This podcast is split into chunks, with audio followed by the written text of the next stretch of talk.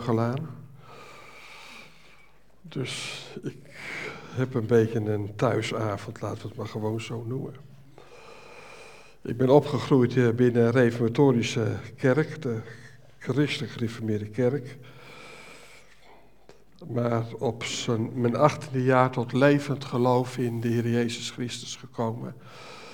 En het was voor mij echt zo alsof de hele omgeving anders was geworden. Later ben ik dat veel meer gaan begrijpen. Maar vanavond hebben we het met elkaar over Israël. En Israël is een beladen onderwerp. Het is ook een beladen onderwerp buiten de Bijbel om. Laat maar heel eerlijk zijn. Er is geen dag, geen krant waar je niet iets nieuws ziet of nieuws kunt vinden over Israël. Israël beheerst het wereldnieuws. En dat heeft ons wat te zeggen. Ik zal vanavond veel stukjes uit de Bijbel lezen. Ik wist niet dat hier een, uh, beamer was, anders had ik ze voor jullie mooi geprojecteerd. Nu vraag ik of jullie het met me willen opzoeken in de Bijbel. Dat zou dan wat. Uh...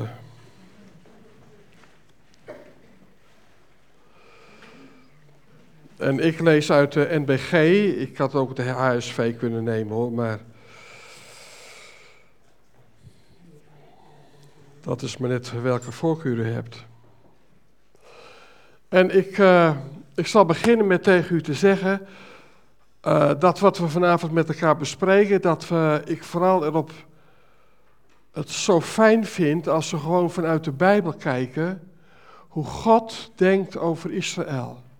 Niet hoe de theologische wereld erover denkt of hoe er in de loop der eeuwen over gedacht is maar puur van hoe de Bijbel denkt over Israël. En daar het hele Oude Testament, alle profetieën over het Oude, uit het Oude Testament, gaan praktisch allemaal over Israël.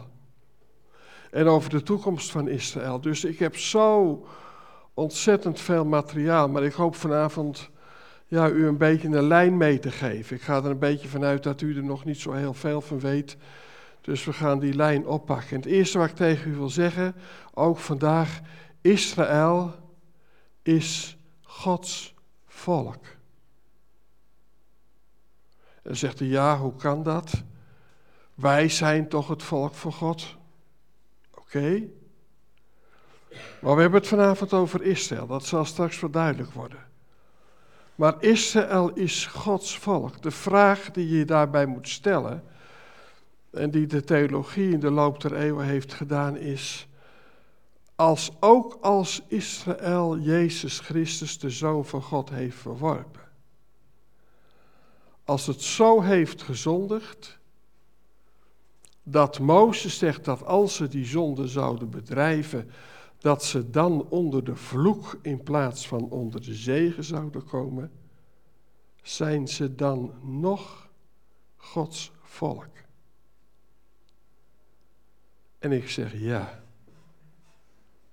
dan zijn ze nog Gods volk. En ik zal u dat aantonen. We beginnen met een uitspraak die David gedaan heeft. En die vindt u in 1 eh, Kronieken 17. Als David van Nathan heeft gehoord dat, uh, dat er een uit zijn zonen zal komen. En we weten dat het de Heer Jezus is. Dan gaat David naar de tabernakel toe en die buigt zich voor God neer. En die spreekt eh, daar een gebed voor God uit. En dan zegt in 1 Kronieken 17, vers 20. Here, niemand is u gelijk. En geen God is er behalve gij, naar al wat wij met onze oren gehoord hebben. En dan komt het. En welk volk is er gelijk aan Israël? Het enige volk op de aarde dat God zich tot een volk ging vrijkopen. Om uzelf een naam te maken door grote en vreselijke daden, doordat gij voor uw volk, dat gij uit Egypte had vrijgekocht, volkeren verdreven hebt. Gij hebt uw volk Israël voor altijd u tot een volk gemaakt. En gij, heren, waart hun tot een God de herziene statenvertaling heeft, gij hebt uw volk Israël voor altijd tot uw volk gemaakt. Voor altijd tot uw volk gemaakt, zegt David hier. En ik geloof dat hij niet ongelijk heeft. En ik zal u eerst proberen uit te leggen, heel eenvoudig, waarom Israël zo bijzonder is. En u wist dat wel, alleen soms moeten we aandacht daar een beetje op worden gevestigd. Alle volkeren zijn ontstaan in, in Genesis 11, bij de torenbouw van Babel. Je zou kunnen zeggen uit een oordeel van God. Ze hadden niet naar de Heer geluisterd. En ze hadden een toren gebouwd die tot in de hemel reikte. Ze probeerden zelf een weg naar God te zoeken. En ze wilden niet naar God luisteren. En toen heeft God hun spraak verward. Hè? Babel betekent verwarring. En zo ontstonden de volkeren. Ze verstonden elkaar niet en iedereen zocht zijn eigen plekje op. Uit een oordeel van God. Alleen Israël is zo niet ontstaan. Israël, ontstaan van Israël, vindt u één hoofdstuk daarna. In hoofdstuk 12 van Genesis. Daar zegt God tegen één man, als je naar mij luistert en vertrekt uit je, uit je stad en uit je stam vandaan, naar het land dat ik je wijzen zal, dan zal ik jou tot een groot volk maken. Het volk Israël is dus het volk uit Abraham, Isaac, Jacob, het volk van God, dat hij gemaakt heeft, dat hij geformeerd heeft. En u vindt dat elke keer in de Bijbel terug. Israël dat ik heb geformeerd. Het is niet als de andere volkeren. Het is niet ontstaan als de andere volkeren. Het heeft ook niet een toekomst als de andere volkeren. We vinden al bij datgene wat we lezen in Genesis 12 niet eens zozeer de belofte van God, in Genesis 12, wat hij met dat volk zal doen, maar we vinden het raadsbesluit van God. Ik kom daar straks nog even op terug. God zegt tegen Abraham: Abraham, ik zal jou tot een groot volk maken. En ik zal jou zegenen. En ik zal hen vervloeken die jou vervloeken. En ik zal je het land geven. Ik zal, ik zal. Wat Abraham hoort, is gewoon wat God zal doen. En niemand van ons heeft een reden eraan om te twijfelen.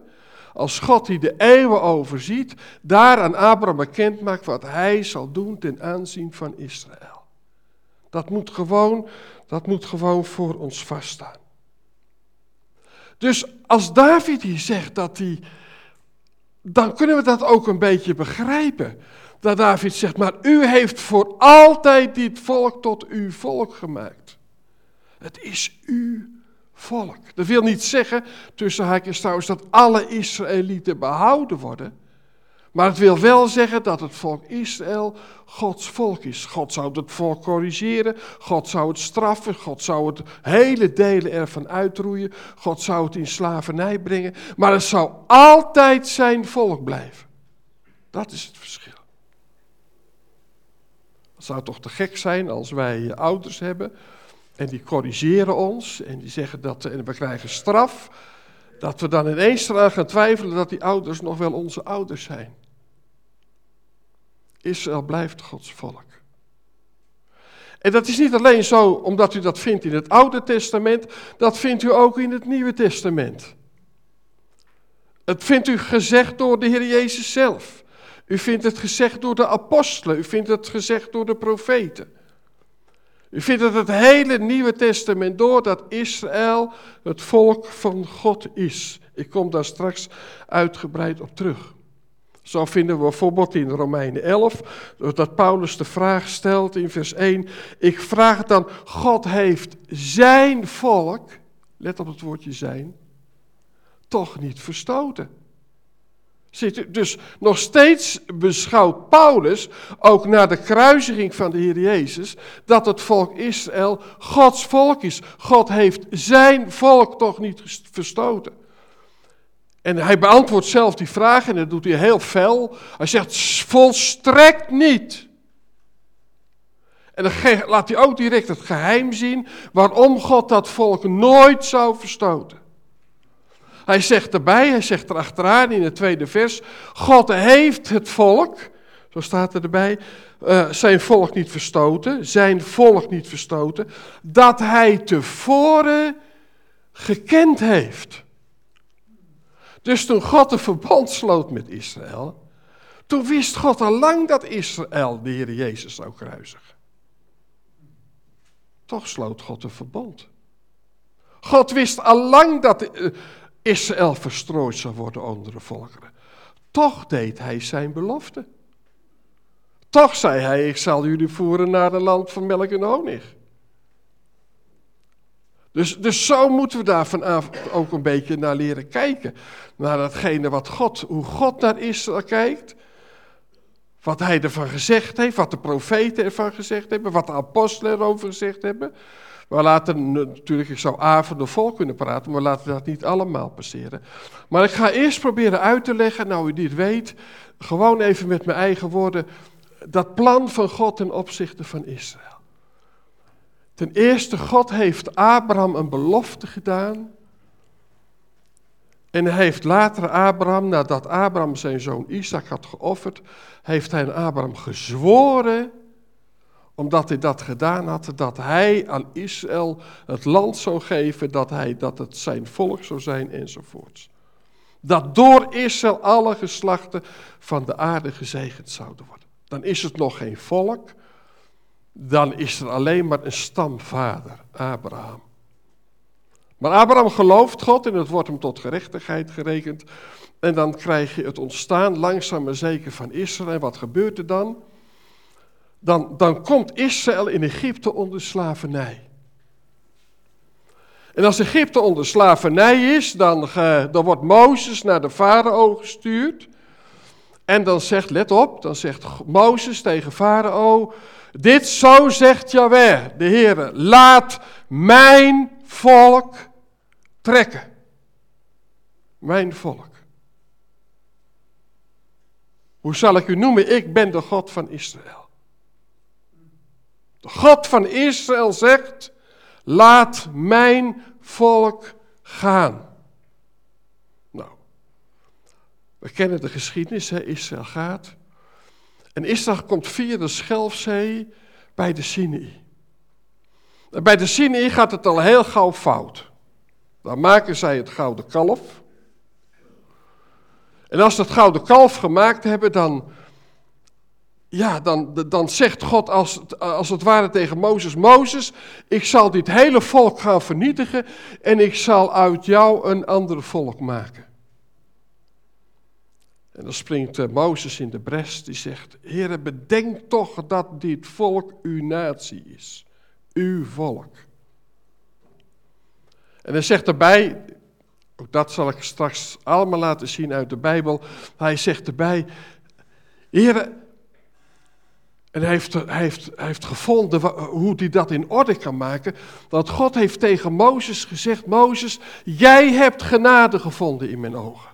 Nou, zegt Mozes, als ik dan genade in uw ogen gevonden heb, neem dan dit volk als uw eigen volk aan. Daar vinden we de Heer Jezus in terug. Vader, vergeef het hun, want ze weten niet wat ze doen. En God zegt tegen Mozes, Mozes, dat zal ik doen. En Mozes zegt, laat mij toch uw heerlijkheid zien. En de Heer gaat voorbij en hij, en hij ziet de God van Israël. Nou, ik vertel even vlug door. Uh, dan wordt er een verbond gesloten op de Sinai. En aan dat verbond worden voorwaarden gesteld. Als Israël niet luistert naar de Heer, dan zullen ze niet onder de zegen komen, maar onder de vloek. En het ergste van die vloek is tenslotte dat als ze andere goden zouden nalopen, en ze zouden uh, de Heer Jezus verwerpen. Het staat daar letterlijk, wat Mozes zegt, er zal iemand komen zoals ik. Zouden vervloeken. Dan zou God dat volk dat hij naar het land uh, Canaan gebracht had, weer terugbrengen naar het land Egypte. Met andere woorden, hij zou het weer verstrooien onder de volkeren. Hij zou datgene wat hij met Israël had gedaan, dat zou hij verwerpen. En dat vindt u vele malen in het Oude Testament. God gaat, zal dat volk verstrooien. Maar u vindt er ook bij dat dat niet betekent dat als God dat volk zal verstrooien, dat het voor dat volk afgelopen zal zijn. Want God zal tenslotte een herstel geven voor dat volk. Dus het volk zou dan verstrooid worden. Het zou uit het land worden gehaald. God zou afstand nemen van het volk. Totdat Israël zich zou gaan bekeren. En dan zou het herstel van Israël komen. En dan zal God hen weer uit al die landen vandaan halen. Zoals hij dat toen uit Egypte, zoals ik jullie uit Egypte heb geleid. Zo zal ik jullie uit die volken leiden. En ik zal jullie brengen naar mijn land. Het land vloeiend van melk en honing. En ik zal jullie God zijn. Daar heeft u het. Nou, daar staat de hele Bijbel vol van. Daar gaan we ook vanavond naar kijken. Daarnaast krijgt u, en misschien kom ik daar ook nog even aan toe, dan krijgt u het, de eed die God zweert ten aanzien van David. Dat Davids grote zoon voor altijd, voor eeuwig mag zitten op de troon van David, op zijn troon en daarvoor eeuwig zal regeren, dat er vrede zal komen en dat alles zal worden hersteld onder de regering van die zoon van David, de hele schepping. Het huis van David zal een paradijselijke toestand worden. En Paulus schrijft in Romeinen 8 dat de hele schepping daarop wacht. Daar heeft u het plan van God, heel kort. Ik denk dat dat wel helder is. Dan gaan we dat nu gewoon vanuit uh, de Bijbel gaan we dat bezien. Uh, ik heb u al gezegd dat ook in het Nieuwe Testament, ook na de kruising van de Heer Jezus, uh, de boodschap van de apostel er altijd op was gericht voor Israël. Voor Israël, want pas in Handelingen 10 komen wij aan de beurt als Cornelius Petrus uh, binnenlaat.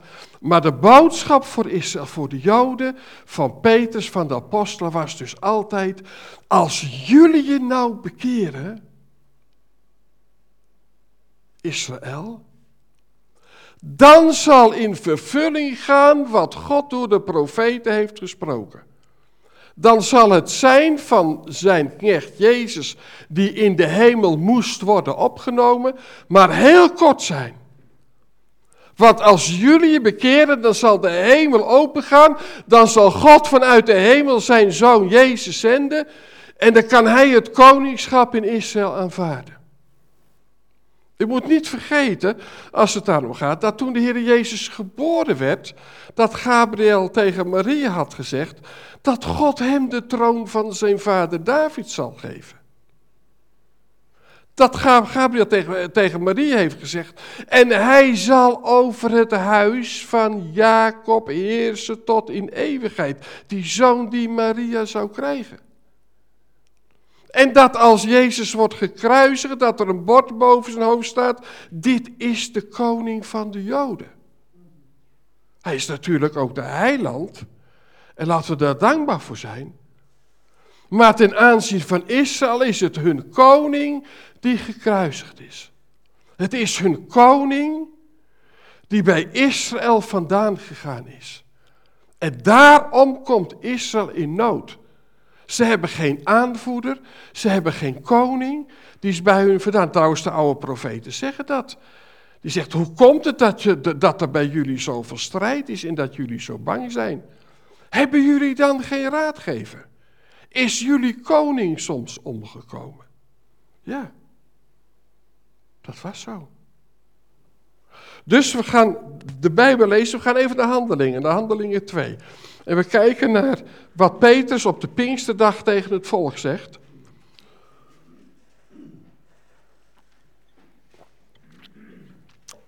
En hij zegt dat tegen Israël. Kijk maar, vers 22. Mannen van Israël, hoort deze woorden. Jezus de Nazoreër, Een man u van Gods wegen aangewezen door krachten, wonderen en tekenen die God door hem in uw midden verricht heeft. Het gaat over Israël, wordt tegen Israël gesproken. Het gaat over Jezus de Nazareër die in hun midden geweest is. Vers 36. Dus moet ook het hele huis, het ganse huis van Israël, zeker weten, dus niet een deel van Israël, niet 3000, maar ik kom er nog wel op terug, straks zal blijken dat heel Israël zal weten, zeker weten dat God hem en tot Here en tot Christus gemaakt heeft. Vers 38. En Peters antwoordde hun, bekeert u, Israël, jullie moeten je bekeren. En een ieder van u laten zich dopen op de naam van Jezus Christus tot vergeving van uw zonde. En gij zult de gave van de Heilige Geest ontvangen. Want voor u, dus voor Israël, is de belofte en voor uw kinderen, de kinderen van Israël, en voor allen die er verre zijn, dan komen wij een keertje kijken, zoveel als de Heere onze God er toe roepen zal. Die, ga, die gave van de Heilige Geest had God, dit is gewoon een aanhaling uit Joël.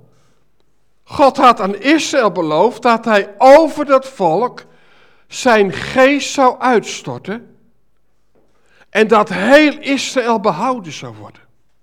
Dat heel Israël Gods gerechtigheid zou, zou ontvangen. Dat heel Israël bewoond zou worden door mensen die door God gerechtvaardigd waren. Dat heel Israël de Messias zou. Dus u gaat begrijpen dat Petrus is er vol van. Die denkt dat gaat nu gebeuren. Maar dan moet Israël zich wel bekeren. Maar het zijn er maar 3000 en dat is lang niet heel Israël. Maar hij haalt hier wel een tekst aan. En dan gaan we één hoofdstuk verder. Moet eens kijken, Handelingen 3. Hoe, hoe, hoe duidelijk de apostelen daarover hebben gesproken. Vers 19. En dan krijgt u de volgorde, zoals ik hem eigenlijk gewoon genoemd heb. Staat gewoon in de Bijbel. Komt dan één, dat is het eerste. Tegen Israël, hè? Het wordt tegen Israël gezegd. Kom dan één tot berouw en bekering. Israël moet tot berouw en bekering komen. Waarom? Opdat, twee, uw zonde, uw zonde, de zonde van Israël, uitgedelgd worden. En drie, opdat er tijden van verademing zullen komen. Dus dat de vervolging van Israël zal de vervolging van Israël zou ophouden. De strijd tegen Israël. Tijden komen van het aangezicht des Heren. En ten vierde, hij de Christus die voor u tevoren bestemd was, Jezus zende. En dan ten vijfde, hem moest de hemel opnemen tot de tijden, zesde, van de wederoprichting van alle dingen. Denk erom, als er in de Bijbel staat het woordje wederoprichting, dan is dat niet iets nieuws. Anders is het geen wederoprichting. Niet? Als er staat een herstel, dan is het iets wat er al eerder was, maar wat stuk geraakt is en dat moet hersteld worden. Als er staat dat er iets weder moet worden opgericht, dan is het er al eerder geweest, en het is in elkaar gezakt. Het moet weer opnieuw worden opgericht. Dus we hebben het hier helemaal niet over een nieuwe hemel en de aarde. We hebben het hier over dingen die weer moeten worden opgericht. Namelijk het koningshuis van David. Alle dingen waarvan God gesproken heeft bij monden van zijn heilige profeten van oudsher. Mozes toch heeft gezegd, de Heere zal u een profeet doen opstaan uit uw broeders gelijk mij. Naar hem zult ge horen in alles wat hij tot u spreken zal. En het zal geschieden, ten zevende, dat alle ziel die naar deze profeet niet hoort, uit het volk zal worden uitgeroeid. Dus wat er met Israël gaat gebeuren, is dat dat deel van Israël dat Jezus Christus niet zal aannemen als verlosser, tenslotte zal worden uitgeroeid. Begrijpt u dat? Er blijft een volk over, een rest, dat behouden zal worden en dat de Heer Jezus Christus zal aannemen. En al de profeten van Samuel af en vervolgens zoveel er hebben gesproken, hebben ook deze dagen aangekondigd. Gij zijt de zonen van de profeten en van het verbond dat God met uw vaderen gemaakt heeft toen hij tot Abram zei, en, u na, en in uw nageslacht zullen alle stammen der aarde gezegend worden. God heeft in de eerste plaats voor u zijn knecht doen opstaan en hem tot u gezonden. Waarom? Om u te zegenen door een ieder van u af te brengen van zijn boosheden. Daar heb je de missie van Jezus voor Israël. Dat is dat hij geroepen is om Israël af te brengen van hun boosheden. Dat wij daar later ook een plan in hebben, bij dat plan zijn betrokken, dat is een ander verhaal. Maar hier gaat het om Israël. En daarom stierf de Heer Jezus aan het kruis. En daarom bad hij voor Israël. Vader, vergeef het hun. Want ze weten niet wat ze doen. En omdat de Jezus, de Heer Jezus zegt in het uh, Johannes Evangelie tegen zijn vader, ik weet dat u mij altijd verhoort, weten we dat dit gebed ook verhoord zal worden. God zal Israël vergeven. Israël dat zich bekeert, dat hun zonde ziet, dat tot berouw komt, dat zal hij vergeven. Als we nu de Bijbelse lijn even volgen, mensen, dan kun je zien in de Korinthebrieven bijvoorbeeld, maar ook op andere plaatsen, dat de Bijbel de wereld indeelt in drie delen. Geef nog aan Joden, nog aan Grieken, nog aan de gemeente Gods enige aanstoot, zegt Paulus in de Korinthebrief. De Joden verlangen tekenen, de Grieken zoeken wijsheid, maar wij prediken een gekruisigde Christus. Dus die wereldbevolking vanuit Gods oogpunt, die wordt gezien in drie delen. De Joden, de heidenen, zeg maar de volkeren, u mag dat woord wat heidenen ook gewoon vertalen met volkeren. De volken en de gemeente van God. Alle drie zijn op een andere wijze ontstaan. Ik heb u al gezegd van Israël en van de volkeren. En de gemeente kon pas ontstaan nadat de Heer Jezus Christus was gestorven. Ze is uit hem voortgekomen. Hij is het fundament. Een ander fundament dan Jezus Christus kan niemand leggen. Ik hoef niet al die teksten voor u op te zoeken. Ik neem aan dat u ook een beetje Bijbelkennis hebt, dat u weet dat het in de schrift staat. Een ander, de gemeente is gebouwd op het fundament van de apostelen en de profeten. Voor de apostelen was er geen gemeente. Je kunt wel zeggen dat de gemeente Israël wordt ook de gemeente genoemd, maar ik bedoel die voluit uit de heiden. Hè? In, uh, in Handelingen 15, daar zegt... Uh, Jacobus dat God erop bedacht is geweest om een volk voor zijn naam uit de heidenen te vergaderen. Eh, dat is dus iets anders als Israël. Wij zijn dus ook niet de voortzetting van Israël. Wij zijn iets heel anders dan Israël. Als ik tijd genoeg heb, dan zou ik u dat allemaal uit laten zien vanuit de Bijbel. Maar onthoud dit eventjes. Uh, toen God de hemel en de aarde schiep, was alles zijn koninkrijk. Toen kwam de Satan in opstand. En de Satan, die, uh, die nam een deel van dat koninkrijk in de hemel in bezit. Daar begon het. Het begon met een aantal engelen die afvielen van God. Die niet tevreden waren, zegt Judas, met de plek die God hun in de schepping had toegewezen. En toen schiep God de aarde en de mens op de aarde. En de duivel kwam naar het paradijs, u weet het. En toen kwam ook de aarde onder de vloek. Nou, wat deze aarde betreft, heeft God een volk vergaderd met een aardse toekomst. Dat hij zal brengen in een land vloeiend van melk en honing, dat met hem over deze aarde gaat regeren, dat het evangelie over deze aarde zal verspreiden. Door u, uw zaad, zullen alle geslachten van de aarde gezegend worden. Maar de gemeente is een hemelsvolk. Wij zijn als lichtende sterren die schijnen aan de hemel. Niet? Onze toekomst, staat in de Filipijnse brief, is een hemelse toekomst. Een volk dat voor hem gemaakt is voor de hemelen, waaruit wij ook de Heer Jezus Christus als onze verlosser verwachten. Dus we hebben met twee verschillende groepen mensen hebben we te maken. En als ik het over Israël heb, dan heb ik het dus niet over ons. Dan heb ik het niet over de gemeente.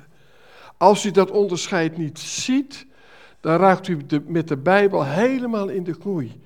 Want dan gaat u denken dat datgene wat Jezus gaat zeggen over Jeruzalem als antwoord op de vraag in, in uh, Matthäus 24 en Matthäus 25, als antwoord op de vraag van de discipelen wat er met Jeruzalem gaat gebeuren, dan gaan we denken dat het over ons gaat.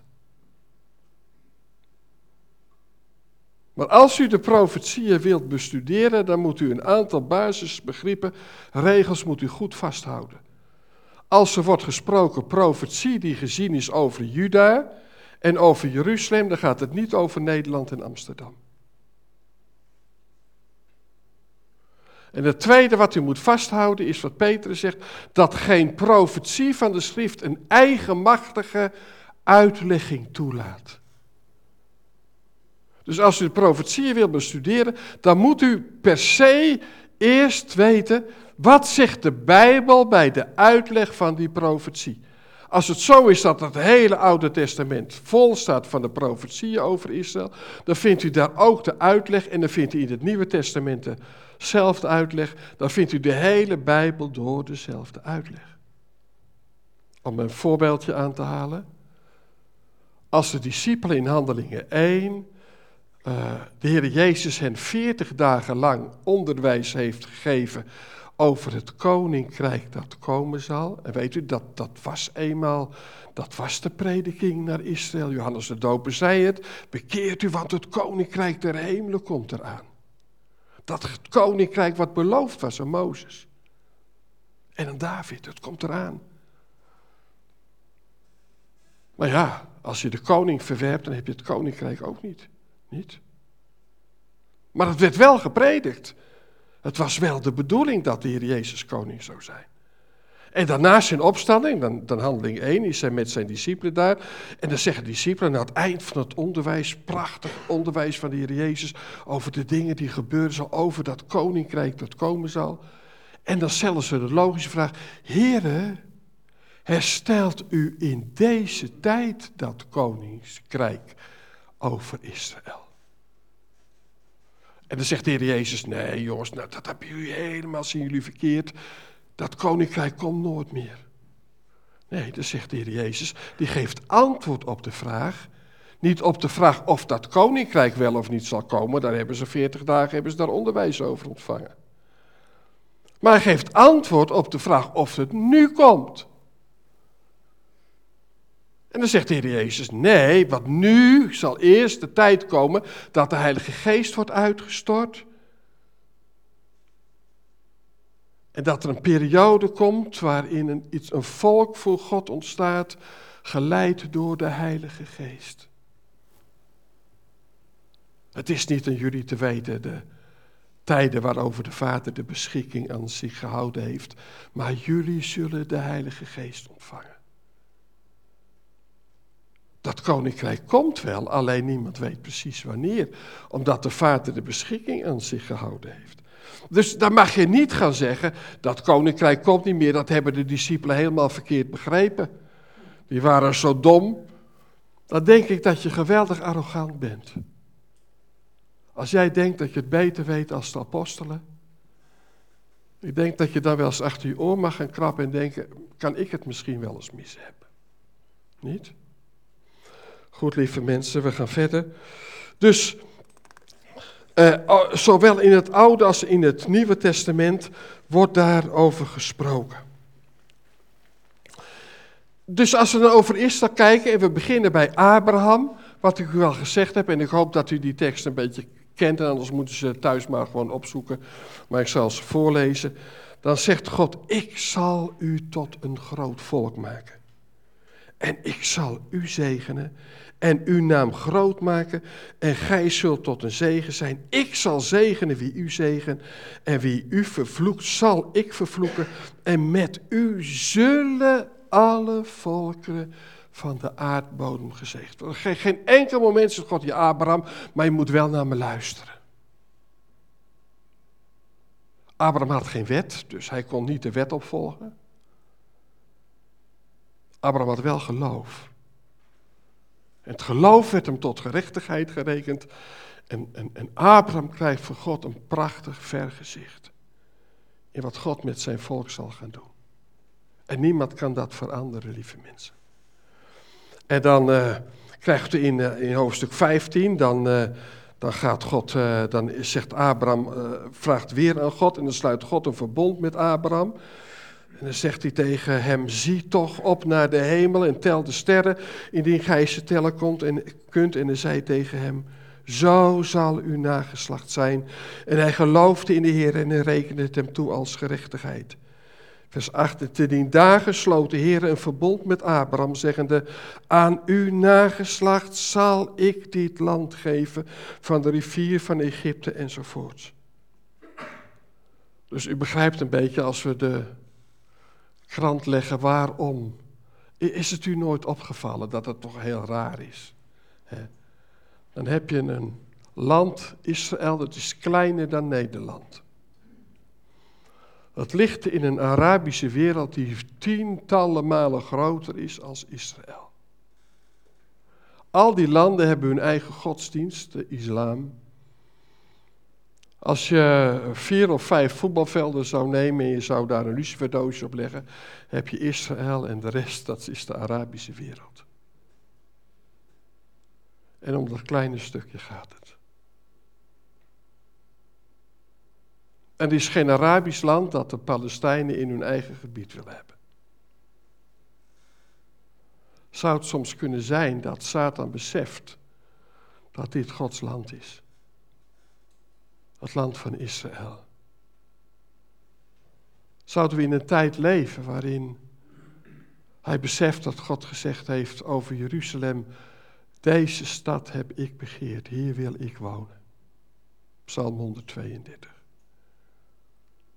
En dat binnen de Verenigde Naties daarom Jeruzalem zo'n heikel punt is.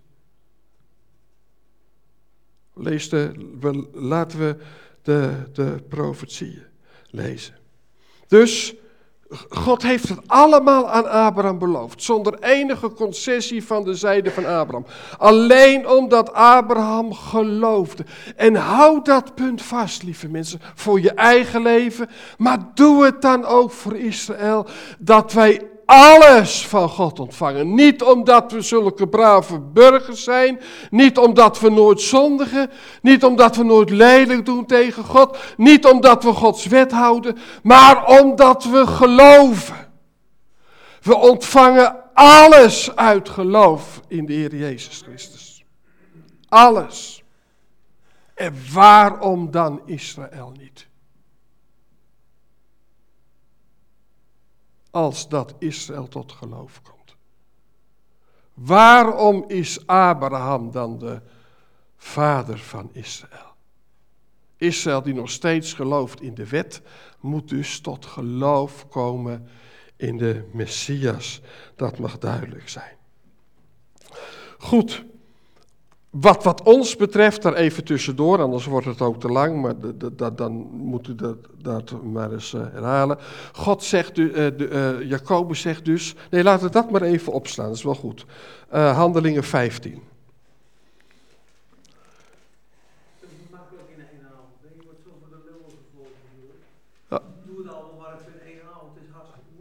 Ja, maar ik heb je gezegd, hè, één avond is te kort, hè, Peter. Maar goed, dat, dat, dat geeft niet. Ik probeer er een beetje de lijn in te houden.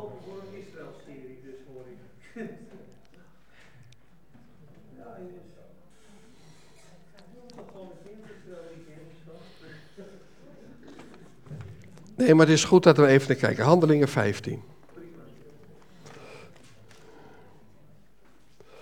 Uh, dan moet u beseffen dat Petrus het huis van een heide is binnengegaan. Daar is geen geringe opschudding over ontstaan. de Joden zijn daar boos over, want je mocht het huis van een heiden niet binnengaan. Dus we kijken eventjes door een Joodse bril. Dan komt er een vergadering in Jeruzalem. En het verslag van die vergadering vindt u in Handelingen 15. De, vers 6 vindt u dat de apostelen en de oudsten die vergaderen daarover. Vers 12. En de hele vergadering werd stil en ze hoorden Barnabas en Paulus verhalen wat al tekenen en wonderen God door hen onder de heidenen gedaan had. En nadat deze uitgesproken waren, nam Jacobus het woord en zei, let op, mannenbroeders, hoor naar mij. Simeon heeft er een gezet hoe God van meet aan erop bedacht geweest is, een volk voor zijn naam uit de heidenen te vergaderen, dus niet uit Israël. En hiermee stemmen overeen de profeten, gelijk geschreven staat. Ik zou ook kunnen zeggen, want er staat geschreven. Daarna, let op het woordje daarna. Dus nadat God een volk voor de, uit de heidenen zou hebben verzameld, ons, wij, als u een christen bent, als u een wedergeboren kind van God bent, als u de Heilige Geest hebt ontvangen, het gaat immers om die periode van de Heilige Geest, daarna zal ik wederkeren, de Heer Jezus zal uit de hemel terugkeren, daarna zal ik wederkeren en ik zal de vervallen hut van David weer gaan opbouwen. Ziet u het? Zwart en wit. Dus daarna zal ik terugkomen en ik zal die hut van David, ik zal de belofte aan David gedaan, die zal ik gaan vervullen. Ik zal de vervallen hut van David weer gaan opbouwen. En wat daarvan is ingestort, zal ik weder opbouwen. Denk om dat woordje weder, allebei. En ik zal haar weder oprichten, dus weer opnieuw, opdat het overige deel der mensen de Heer zoeken. Dus dat vanuit Israël het evangelie naar het overige deel der mensen zou gaan. Nou, nou, al deze ingrediënten, u vindt ze de hele Bijbel door. Zo is het gewoon. En dan kunnen anderen zeggen, ja, Rome, de katholieke kerk zegt, Rome is de stad gods geworden. Maar ik lees nooit in de Bijbel dat, Rome, dat God de stad Jeruzalem veranderd heeft in Rome. Hoor. Echt niet. Het blijft de stad waarvan uh, de Heer Jezus zegt dat niemand zal zweren bij Jeruzalem, omdat het de stad is van de.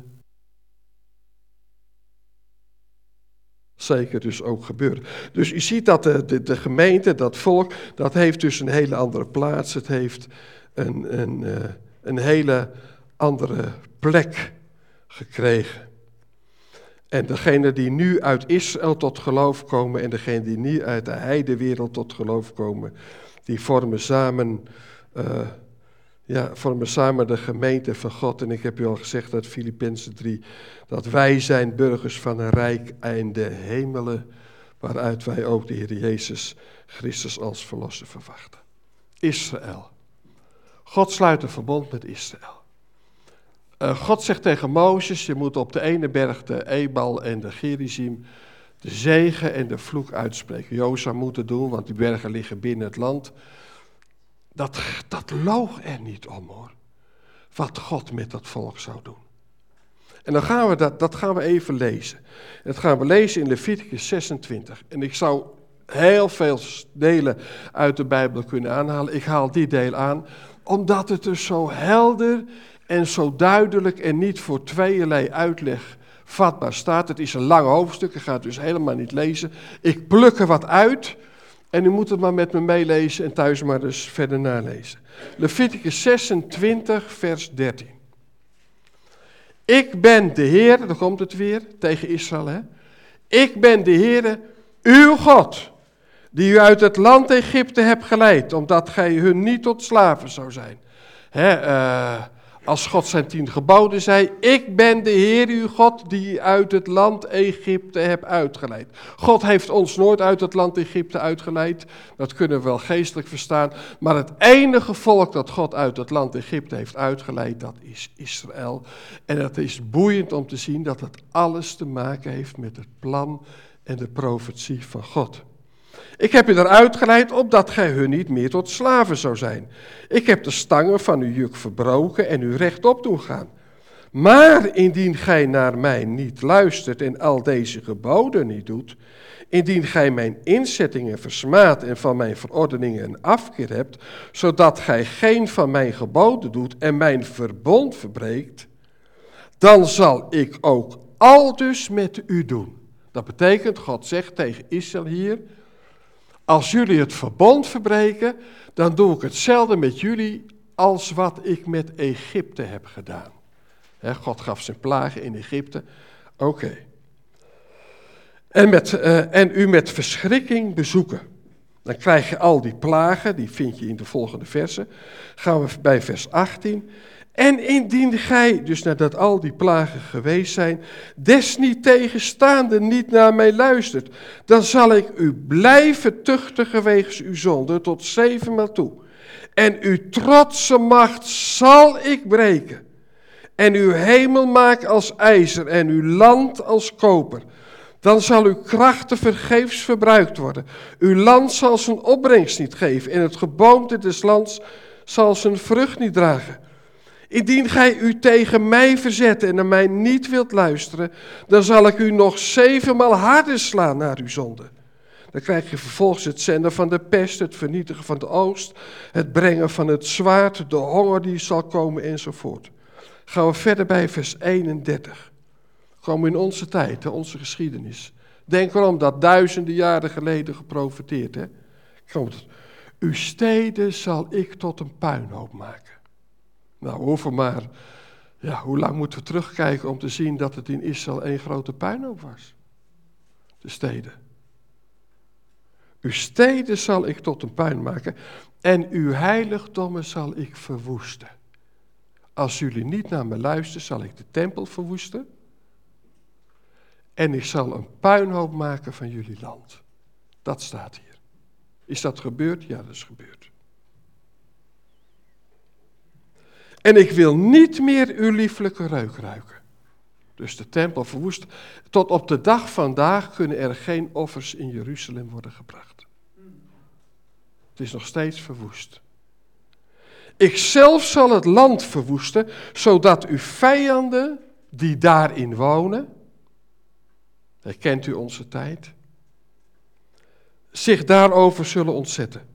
Maar u zal ik onder de volken verstrooien. Ziet u het? Gebeurt? Is gebeurd. En ik zal achter u het zwaard trekken. Is dat gebeurd onder de volken? Nou, denk maar aan de Tweede Wereldoorlog. En uw land zal een woestenij zijn en uw steden een puinhoop, al 2000 jaar. Dan zal het land zijn sabbatsjaren vergoed krijgen, al de dagen dat het woest ligt en gij in het land van uw vijanden zult zijn. Dan zal het land rusten van zijn sabbatsjaren. Uh, al de tijd der verwoesting, vers 35, zal het rusten. De rust die het niet gehad heeft gedurende uw sabbatsjaren toen gij daarin woonde.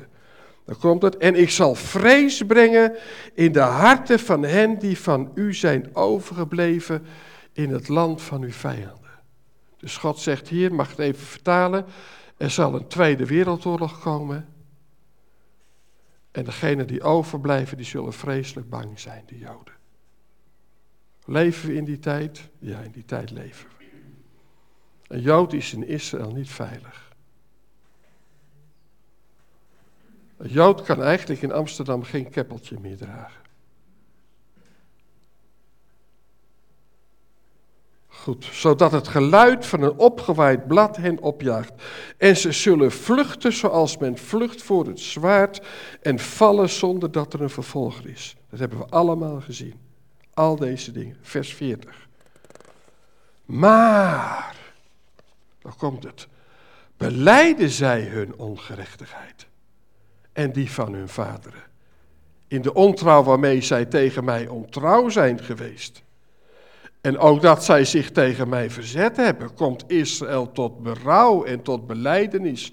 Zoals dat vinden bij Daniel. Heren, wij hebben tegen u gezondigd. Wij hebben uw wetten overtreden. Wij hebben uw verbond verbroken. Wat gaat God dan doen? Ook ik verzette mij tegen hen en bracht hen in het land hun vijanden. Of vernedert zich dan hun onbesneden hart en boeten zij dan hun ongerechtigheid, dan zal ik mijn verbond met Jacob gedenken. Ook mijn verbond met Isaac en ook mijn verbond met Abraham zal ik gedenken. En ik zal het land gedenken. Maar het land zal door hen verlaten worden en het zal zijn sabbatsjaren vergoed krijgen, terwijl het verwoest ligt zonder hen. En zij zullen hun ongerechtigheid boeten, omdat, ja, omdat zij mijn verordeningen versmaden en van mijn inzettingen een afkeer hadden. Maar ook zelfs wanneer zij in het land van hun vijanden zijn, versmaad ik hen niet. En ik heb geen afkeer van hen, zodat ik hen zou vernietigen en mijn verbond met hen zou verbreken. Want ik ben de Heer hun God, maar ik zal hun ten goede gedenken. Het verbond met hun voorvaderen die ik voor de ogen der volken uit Egypte heb geleid, om hun tot een God te zijn, want ik ben de Heer. Kan het duidelijker geschreven worden? Ik denk het toch niet. Dus niemand kan zeggen dat Israël geen toekomst heeft. Het wachten is erop dat Israël zich zal gaan bekeren. En om Israël tot bekering te krijgen, zal Israël door een grote verdrukking heen gaan. En dan zal het zich bekeren. En de Bijbel noemt die verdrukking, het is negen uur, dus we gaan even pauzeren. De Bijbel noemt die verdrukking de benauwdheid van Jacob. Voelt u dat? Ja, er staat, uh, er staat in Jeremia. De benauwdheid, van, zoals Jacob benauwd was omdat hij terugkeerde naar het beloofde land uit Padam Aram, weet u wel. En die benauwdheid krijgt hij in strijd met God. Jeremia zegt, die strijd zal weer komen. En dan zal God hem weer halen uit de volkeren. En hij zal hem weer brengen in de woestijn. En dan zal hij een nieuw verbond met hen sluiten. Niet zoals op de Sinai. Maar dan zal hij zijn wetten in hun harten schrijven. En dan zullen ze zeggen tegen Jezus, u bent mijn God. En zal Jezus zeggen, jullie zijn mijn volk. Lieve mensen, die dingen moeten we gewoon weten. Het is negen uur, het is pauze. Dus laten we na de pauze daar misschien nog even wat verder over praten. Maar vergeet, deze dingen zijn zo belangrijk. God heeft zijn volk niet verstoten. Het volk heeft zijn God verstoten. Dat is iets anders dan dat Jezus zijn volk verstoten. Maar God denkt aan Abraham en God denkt aan David. En God zal beloven, uitvoeren, doen wat hij heeft beloofd. God, zullen we eerst even pauzeren.